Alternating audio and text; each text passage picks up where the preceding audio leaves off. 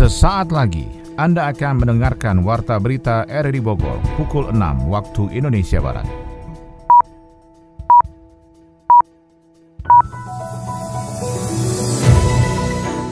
Selamat pagi, salam jumpa. Kami hadir kembali dalam Warta Berita edisi hari ini, Senin 7 Maret 2023. Informasi ini juga turut disiarkan melalui audio streaming lewat RRI Play dan juga disiarkan lewat Radio Tegak Beriman Kabupaten Bogor, Jawa Barat dan Anda bisa akses di Spotify RRI Bogor. Pemerintah Kabupaten Bogor akan mengerahkan Satpol PP untuk mengawasi tempat hiburan malam yang nekat beroperasi pada saat bulan Ramadan. Polres Bogor mengamankan 39 orang tersangka jaringan pencurian kendaraan bermotor yang beberapanya menggunakan senjata api. Ribuan aparatur sipil negara Kota Bogor melakukan aksi bersih-bersih menyapu jalanan di 64 titik jalan protokol. Saya Maulana Istarto, inilah Warta Berita selengkapnya.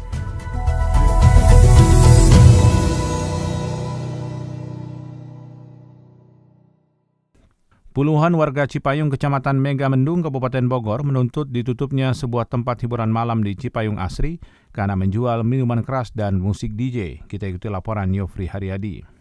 Puluhan warga Cipayung, Kecamatan Megamendung, Kabupaten Bogor menuntut ditutupnya sebuah tempat hiburan malam di Cipayung Asri karena menjual minuman keras dan musik DJ. Aksi yang dilakukan warga itu pun sebagai protes penolakan beroperasinya tempat hiburan malam selama bulan Ramadan 1444 Hijriah nanti. Aksi yang berlangsung pada Jumat malam 3 Maret itu pun menjadi atensi Pol PP Kabupaten Bogor untuk ditindaklanjuti. Kasih operasi Pol PP Kabupaten Bogor, Rama Kodara menjelaskan masih mengkaji perizinan tempat hiburan malam di Hotel Cipayung Asri Megamendung Bogor. Jika ditemukan adanya pelanggaran perizinan, bangunan dan izin operasi akan dilanjutkan dengan tindakan berupa penutupan atau penertiban bangunan. Ini rencana kita mau ini menutup nih sama bidang Gakda. Saya lagi masih nunggu nih ya di Mega Mendung nanti bidang Gakda sedang meriksa dulu bangunan tanpa izin di atas nanti turun nanti mau ke Hotel Cipayung Asri hari ini. Nanti surat pemberitahuan itu nanti dari Pak PLT. Cuman ininya kita yang buat tapi itunya PLT nanti atas perintah PLT Bupati. Tapi ini dalam, masih dalam proses dulu suratnya. Yang jelas mah kita seminggu lah ya Amin 5 mau puasa kita pasti melaksanakan kegiatan patroli terus gitu untuk lokasi-lokasi yang rawan rawan THM. Sementara itu, Ketua Bidang Perizinan dan Advokasi PHRI Kabupaten Bogor, Ismar Dianto, mengungkapkan dari penutupan fasilitas tambahan hotel seperti ruang bernyanyi, bar, dan lainnya memberikan kontribusi tidak lebih dari 30% dari total jasa pelayanan yang dijual. Dan selama bulan Ramadan, manajemen hotel harus menyisihkan pendapatannya untuk bonus dan THR kepada karyawannya. Orang Jakarta khususnya, ini tradisi yang saya pelajarin ya, pembantu nggak punya, pembantu pada pulang. Akhirnya dia akhirnya daripada dia di rumah nggak ada ini, mendingan nginep di hotel, ada yang layani. Ini analisa yang pernah saya pelajarin. Pengunjung-pengunjung dari Jakarta itu kan pembantu-pembantu mereka ke mana hiburannya? Pasti lagi tapi pendapatan hotel secara otomatis turun. Oh, iya. Minggu pertama itu pasti turun. Secara muslim kan kita mayoritas pasti turun. Kalau nggak signifikan. Nggak signifikan. Enggak. Tempat bernyanyi nggak. Enggak. Klub, enggak. Enggak. Klub itu enggak. Tiga puluh persennya pun tidak ya. Nggak nyampe segitu. Sudah menjadi hal rutin, Pol PP melakukan penertiban dan pemberitahuan ke sejumlah tempat hiburan malam seperti rumah bernyanyi, diskotik, bar, termasuk panti pijat untuk menutup operasi selama satu bulan selama bulan Ramadan menghormati umat Islam yang menjalankan ibadah puasa. Pemerintah Kabupaten Bogor akan mengerahkan Satpol PP mengawasi tempat hiburan malam yang nekat beroperasi di bulan Ramadan. Adi Fajar Nugraha melaporkan. Menjelang bulan suci Ramadan, PLT Bupati Bogor Iwan Setiawan meminta seluruh tempat hiburan malam THM di wilayah Kabupaten Bogor ditutup. Satpol PP pun bakal dikerahkan untuk menindak pengelola THM yang masih nekat beroperasi. Iwan mengatakan umat muslim dalam waktu dekat akan menjalani ibadah puasa pada bulan suci Ramadan. Untuk itu perintah ini dilakukan agar pelaksanaan ibadah puasa masyarakat Kabupaten Bogor berjalan aman dan damai. Di samping itu Satpol PP juga diminta untuk mendata ulang THM baik mengenai perizinan bangunan maupun operasional. Hal itu untuk memastikan legal atau tidaknya THM yang selama ini beroperasi di bumi Tegar Beriman. Sementara bagi THM yang tidak berizin, Iwan meminta untuk segera memproses izin sesuai peraturan yang berlaku. Polres Bogor mengamankan 39 orang tersangka jaringan pencurian kendaraan bermotor selama operasi cipta kondisi dua pekan. Beberapa dari tersangka menggunakan senjata api saat beraksi mengancam korbannya. Laporan ini disampaikan Yofri Haryadi.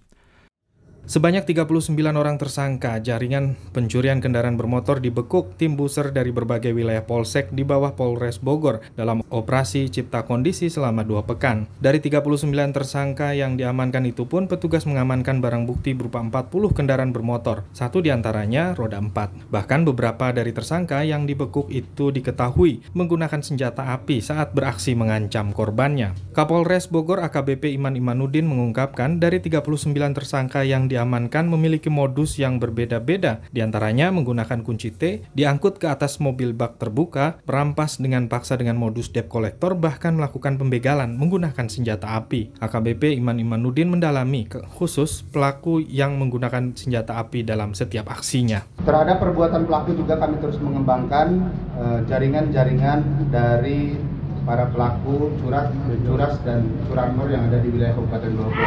Dari semua pelaku yang uh, sudah diamankan, mereka beroperasi di wilayah Kabupaten Bogor, Kota Bogor, uh, Sukabumi dan Cianjur. Jadi di Bogor Raya mereka uh, melakukan uh, perbuatannya.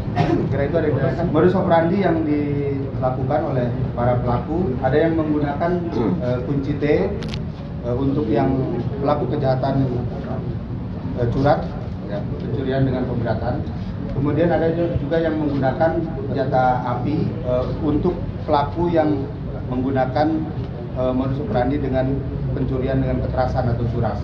Kami sedang melakukan pendalaman terhadap sumber atau asal mula dari uh, senjata api yang diperoleh oleh si pelaku tersebut.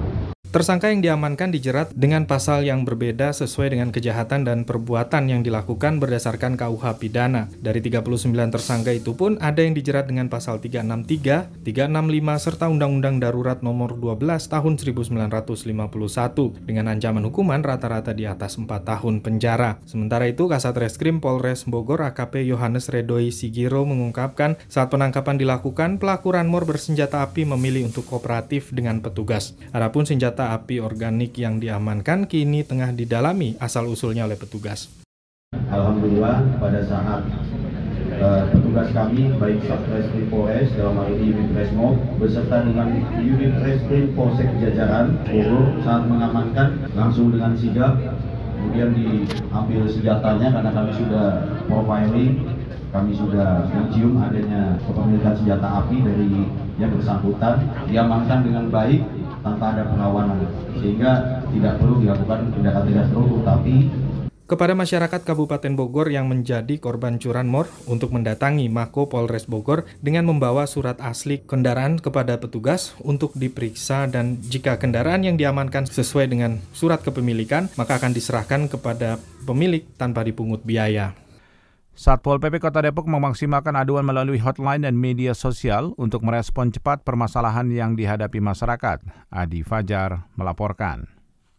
Dalam mengantisipasi gangguan ketertiban dan keamanan di tengah masyarakat, pada tahun politik, jajaran Satpol PP Kota Depok berupaya meningkatkan mutu pelayanan dalam merespon aduan masyarakat. Kepala Satpol PP Kota Depok, Linda Ratna Durdiani, mengatakan terdapat empat komponen mutu pelayanan dasar bidang Trantibum, meliputi standar operasional prosedur, Satpol PP, standar sarana prasarana, optimalisasi akuntabilitas kinerja, dan pelatihan kemahiran Satpol PP dalam Satuan Perlindungan Masyarakat. Pihaknya juga akan memaksimalkan sistem aduan masyarakat melalui hotline dan media sosial untuk lebih cepat menindaklanjuti permasalahan di masyarakat.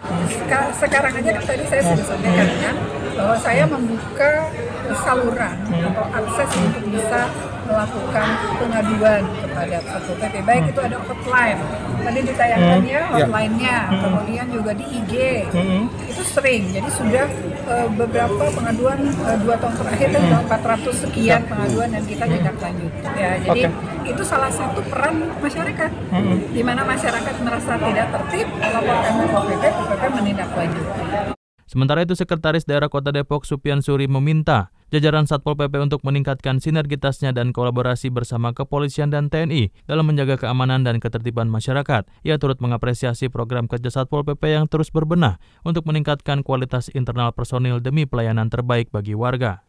Sehingga apa yang menjadi harapan pemerintah Kota Depok sebagai fungsi Pol PP penegak perda dan menjaga ketentraman, ketertiban, keamanan dan pada akhirnya kita mendapatkan kenyamanan di Kota Depok ini. Dan hal ini nggak lepas dari dukungan dari teman-teman TNI dan Polri yang terus berdampingan dengan Pol PP mewujudkan tugas fungsi dari Pol PP dan terima kasih. Semoga dukungan yang diberikan ini benar-benar bisa terus kita laksanakan ke depan karena PR kita, PR Pol PP, PR Pemkot masih banyak jadi nggak akan pernah selesai PR-PR ini dan untuk bisa menyelesaikan ini harus ada kolaborasi yang kuat di antara kita.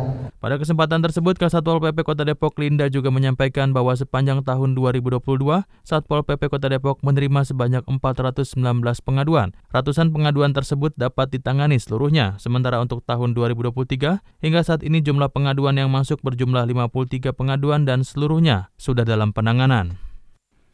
Kajari Sukabumi menghimbau para tenaga pendidik serta orang tua untuk selalu mengawasi kegiatan anak-anaknya agar tidak terjerat kasus pidana. Adi Fajar melaporkan. Kejaksaan Negeri Kabupaten Sukabumi melakukan edukasi terhadap pelajar di tingkat SMP dan SMA dalam mengantisipasi tindak pidana yang kerap menyasar anak-anak sekolah. Kecenderungan tindak kriminalitas bisa terjadi pada anak sekolah, baik sebagai pelaku yang notabene di bawah umur maupun sebagai korban.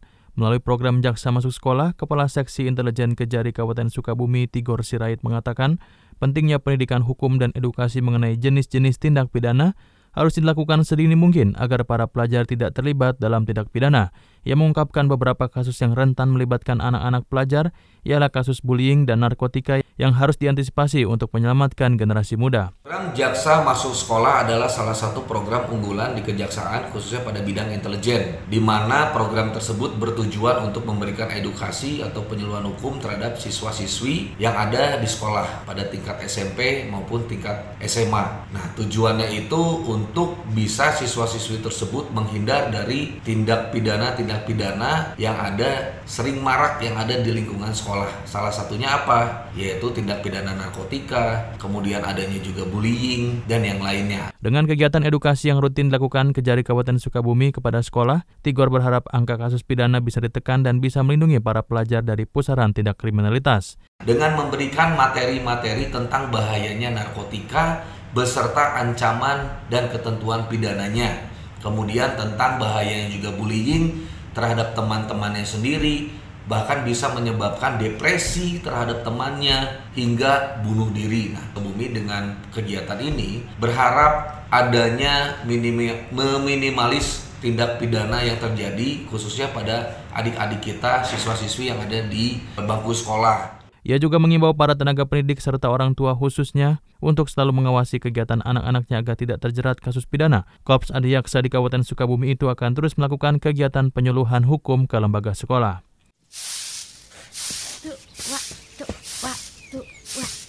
Semangat bener joggingnya. Iya tuh kudu semangat biar tetap sehat nih bu sehat kan mahal Ih, setuju bu kalau udah sakit mah boro-boro olahraga ya yang ada masuk rumah sakit bener kalau kata orang mah mensana incorpore sano alias di dalam tubuh yang sehat teh terdapat jiwa yang kuat, Bu. Ini teh ngomong-ngomong mau jogging ke mana, Bu? Mau jogging ke alun-alun, sekalian cuci mata ah, Bu. Di sana kan suka banyak barang obral murah. Siapa tahu dapet. Atuh kalau gitu saya mau ikut jogging ah, biar sehat juga. Sekalian beli barang obralan. Eh, eh, eh, ibu mau ke mana ini teh? Mau jogging apa? Biar sehat. Kalau ibu jogging nanti bapak sarapan apa? Beli nasi uduk di Janap aja ya. Bu, bentar ya Bu, saya ganti legging macan dulu. Jangan lama-lama ya Bu, keburu panas ntar. Anda tengah mendengarkan Warta Berita RRI Bogor. Ribuan aparatur sipil negara Kota Bogor melakukan aksi bersih-bersih menyapu jalanan di 64 titik jalan protokol. Selain sebagai apresiasi kepada pasukan kuning atau penyapu sampah, aksi itu dilakukan untuk mengkampanyekan hidup bersih, sehat, dan lestari. Laporan ini disampaikan Sony Agung Saputra. Pemerintah Kota Bogor serius mempertahankan Piala Adipura sehingga bisa mendapatkan Adipura Kencana. Hal itu terlihat dari sejumlah program yang berlangsung dari pemerintah Kota Bogor untuk bisa melakukan pelestarian lingkungan dan penanganan persampahan. Wali Kota Bogor Bima Arya mengatakan saat dirinya bersama rombongan pemerintah daerah bertolak ke Jepang Untuk studi banding, maka didapatkan fakta bahwa ada kebiasaan baik dari masyarakat Jepang dalam penanganan sampah sehingga mereka disiplin tertib tidak membuang sampah pada sembarang tempat. Sampah yang mereka hasilkan dibawa kembali ke rumah sehingga tidak mengotori lingkungan karena tempat sampah tidak banyak tersedia di ruang terbuka umum. Untuk itu pihaknya juga melakukan penanganan persampahan dari hulu ke hilir dengan adanya perubahan sikap mental masyarakat dengan tidak membuang sampah di sembarang tempat dan juga melakukan perbaikan lingkungan di tempat pembuangan akhir sampah. Kultur atau edukasi orang-orang. Insya Allah ikhtiar kita tidak akan pernah berhenti. Adipura justru memberikan kita motivasi untuk membangun dua hal itu. Pagi ini kita lanjutkan kembali ikhtiar kita itu dengan memberikan apresiasi kepada para petugas kebersihan. Kemudian sebagai apresiasi kepada pasukan kuning atau penyapu sampah, maka aparatur sipil negara mulai dari pimpinan tertinggi pemerintah Kota Bogor dan SKPD termasuk BUMD hingga jajarannya melakukan aksi pembersihan sampah di berbagai tempat dengan memungut sampah di jalanan. Kita ingin sampaikan pesan kepada mereka bahwa kita tidak lupa bahwa mereka bagian dari kita jadi berdasarkan data ada sekitar 370 pasukan kuning dan kita menurunkan di beberapa titik semuanya 62 titik ya. Jadi silakan langsung terjun nanti ke titik masing-masing dengan adanya kegiatan pembersihan sampah, maka pemerintah Kota Bogor mengkampanyekan hidup bersih, sehat, dan lestari dari lingkungan sekitar sehingga masyarakat dapat melestarikan kawasan asri bebas dari sampah yang bisa membawa penyakit. 32 tim perwakilan hotel dan restoran se-Kabupaten Bogor kembali menyelenggarakan Pekan Olahraga dan Seni yang dua tahun absen akibat pandemi COVID-19. Yofri Haryadi melaporkan. Peringatan Hari Ulang Tahun Perhimpunan Hotel dan Restoran Indonesia PHRI ke-54 dimeriahkan dengan Pekan Olahraga dan Seni yang diselenggarakan BPC PHRI Kabupaten Bogor di lapangan Bromelia Cisarua Puncak Bogor. 32 tim perwakilan hotel dan restoran sekabupaten Bogor berkumpul dan kembali menyelenggarakan pekan olahraga dan seni yang dua tahun absen akibat pandemi COVID-19. Ketua PHRI Kabupaten Bogor, Juju Junaidi mengungkapkan, porseni PHRI yang berlangsung selama dua hari itu pun diselenggarakan untuk meningkatkan soliditas dan kekompakan antara karyawan dan pemilik hotel dan restoran, dan mengikat silaturahmi antara pengusaha dan pelaku industri wisata yang ada di Kabupaten Bogor. Ini ulang tahun PHRI yang ke-54 ya kita memperingati bahwa PR Kabupaten Bogor mengadakan porseni uh, tingkat hotel dan restoran Kabupaten Bogor yang mana porseni ini ada lima cabang ya. Ada mini soccer, bulu tangkis, tenis meja, horeca dan karaoke yang mudah-mudahan dua hari bisa selesai. Pernah dulu kita adain juga waktu tahun uh, waktu tahun 2018 ya sebelum sebelum covid kita diadain di Hotel Mars ini kedua kalinya. Gitu. Ya dengan kegiatan ini pesannya kita lebih mempererat lagi antara karyawan dengan owner yang ada di Kabupaten Bogor dan bisa mempersatukan semua hotel dan restoran di Kabupaten Bogor. Hadiahnya kita berbentuk kita bentuk apa uang cash ya, uang cash ya. Lima cabang olahraga yang dipertandingkan adalah mini soccer, bulu tangkis, tenis meja, karaoke, dan uji keterampilan dan wawasan di bidang hotel dan restoran. Salah seorang peserta mini soccer, Raffi Pratama dari Hotel Kedaton Sentul Bogor, mengungkapkan rasa gembiranya meski menelan kekalahan usai bertanding bersama teman-temannya mewakili hotel tempatnya bekerja. Uh, baru kali ini sih pak. Baru kali ya sekitar 17 17 ya itu termasuk termasuk sama official. Paling di kedaton itu cuma dua doang cabang olahraganya cuma bulu tangkis sama futsal sama bola. Tadi kalah sih. Ya bisa dipanggil diundang dimain di sini. Nah uh, waiter. Oh waiter. Ya. Pertandingan dengan memperebutkan hadiah uang tunai yang diselenggarakan itu pun menjadi momen untuk saling bertukar informasi, jejaring, serta pengalaman bagi karyawan hotel dan restoran, sekaligus menjadi indikasi mulai pulihnya pariwisata di Kabupaten Bogor. Dari dunia ekonomi, pemerintah segera memberikan bantuan sosial berupa komoditas pangan menjelang Ramadan dan Idul Fitri tahun ini. Gubernur Bank Indonesia Peri Warjio mengeluhkan harga tiket pesawat yang mahal. Laporan ekonomi disampaikan Adi Fajar Nugraha. Pemerintah segera memberikan bantuan sosial, bansos berupa komoditas pangan menjelang Ramadan dan Idul Fitri tahun ini. Menko Perekonomian Erlangga Hartarto mengatakan, bansos pangan akan diberikan selama tiga bulan dalam bentuk beras, telur, dan daging ayam. Menurutnya, bansos ini perlu diberikan guna menekan inflasi yang dipicu kenaikan harga pangan menjelang hari besar keagamaan. Adapun saat ini regulasinya tengah disusun oleh pemerintah. Ia berharap bansos pangan ini bisa diberikan segera kepada masyarakat pada bulan Maret, April, dan Mei 2023. Adapun Badan Pusat Statistik BPS mencatat inflasi pada Februari 2023 sebesar 5,47 persen secara tahun ke tahun. Kelompok makanan, minuman, dan tembakau yang mengalami inflasi 7,23 persen menjadi penyumbang inflasi terbesar dengan andil 1,87 persen. Gubernur Bank Indonesia Peri Warjio mengeluhkan harga tiket pesawat yang mahal. Dirinya mewanti-wanti hal ini bisa memicu kenaikan inflasi harga yang diatur pemerintah. Peri mengeluhkan tiket pesawat mahal setelah mengunjungi Wakatobi dan Raja Ampat. Lonjakan harga itu disebut menjadi masalah yang harus diatasi bersama. Pasalnya inflasi yang dirilis BPS pada Februari 2023 sebesar 5,47 persen dan harus diantisipasi sektor yang menjadi penyumbang inflasi agar tidak terus melonjak. Terlebih, menjelang bulan suci Ramadan dan Idul Fitri, Peri mengingatkan perlunya memperkuat sinergi antara pemerintah pusat dan daerah untuk menekan inflasi agar terkendali. Sementara itu, tim pengendali inflasi pusat sedang mencari cara untuk menurunkan harga aftur yang menjadi bahan bakar pesawat. Hal itu agar tiket pesawat bisa turun ke harga normal dan dampaknya ke inflasi bisa ditekan. Sementara itu, Menko Perekonomian Erlangga Hartarto mengakui mahalnya tiket pesawat menjadi salah satu penyumbang inflasi komponen harga yang diatur oleh pemerintah. Sayangnya belum diketahui kebijakan apa yang akan diambil untuk menekan harga aftur tersebut.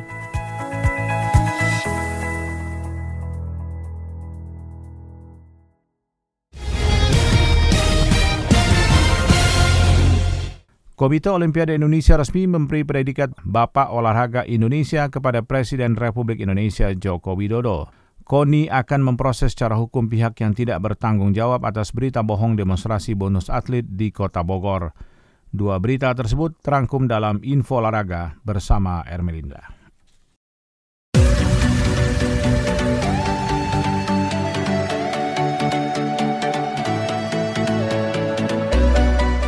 Adanya postingan ajakan demonstrasi di dunia olahraga terkait bonus atlet di Kota Bogor, Ketua KONI Benino Argobi angkat bicara. Orang nomor satu di KONI Kota Bogor ini memastikan postingan di media sosial tersebut adalah hoax dan provokasi dan tidak bertanggung jawab. KONI juga akan melaporkan dan memproses secara hukum orang-orang yang tidak bertanggung jawab atas berita bohong tersebut.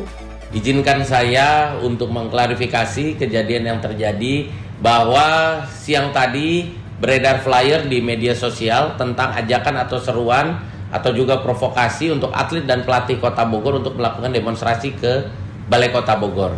Ini bisa saya sampaikan satu bahwa ini adalah hoax dan yang kedua ini adalah provokasi yang tidak bertanggung jawab. Yang ketiga, kami yakin dan sangat percaya kepada seluruh atlet pelatih Kota Bogor sudah paham tentang apa yang akan didapat sebagai bonus porprov nanti karena sudah dibahas di dalam raker. Pemerintah Kota Pemkot Bogor melalui Dinas Pemuda dan Olahraga Dispora bersama dengan KONI memastikan bahwa pencairan bonus atlet peraih medali pada Pekan Olahraga Provinsi Porprov 2022 akan dilaksanakan Maret 2023. Seperti diketahui, pada perhelatan Porprov 2022, Kota Bogor meraih 75 medali emas, 57 perak, dan 76 perunggu. Hasil tersebut jelas mengalami kenaikan signifikan dibanding dengan Porprov 2018 dengan perolehan 57 emas, 35 perak, serta 71 perunggu. Pemkot Bogor pun menyiapkan anggaran sebesar 22 miliar rupiah lebih yang bersumber dari anggaran pengeluaran belanja daerah APBD. Wali Kota Bogor Bima Arya memberikan bonus 100 juta bagi peraih emas nomor perorangan, 60 juta per orang untuk nomor berpasangan, dan 33 juta rupiah per orang di nomor beregu. Sementara untuk bonus pelatih, 75% dari jumlah bonus yang diterima atlet. Insya Allah medali emas bonusnya berapa Kang Ben? 100 juta. Insya Allah bonus untuk pelatih berapa Kang Ben? 75 juta.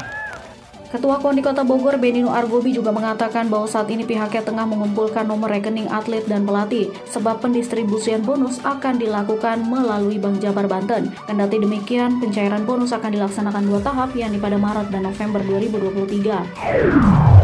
National Olympic Committee NOC atau Komite Olimpiade Indonesia KOI resmi memberi predikat Bapak Olahraga Indonesia kepada Presiden Republik Indonesia Joko Widodo. Predikat tersebut disampaikan oleh Presiden NOC Indonesia, Raja Sabta Oktohari dalam agenda rapat anggota dan Kongres Luar Biasa NOC Indonesia 2023. Okto mengatakan berbagai ajang olahraga internasional diselenggarakan di masa pemerintah Jokowi. Ini yang menjadi salah satu pertimbangan predikat Bapak Olahraga Indonesia diberikan kepada Jokowi. Lebih lanjut, Okto menyatakan pihak NOC akan memberikan seremoni khusus dalam penyerahan predikat Bapak Olahraga Indonesia kepada Jokowi. Namun dalam hal ini pihaknya akan lebih dulu membuka komunikasi dengan Presiden.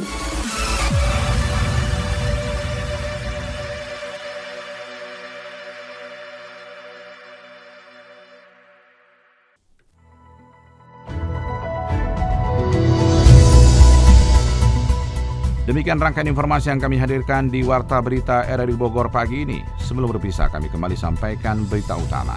Pemerintah Kabupaten Bogor akan mengerahkan Satpol PP untuk mengawasi tempat hiburan malam yang nekat beroperasi pada saat bulan Ramadan.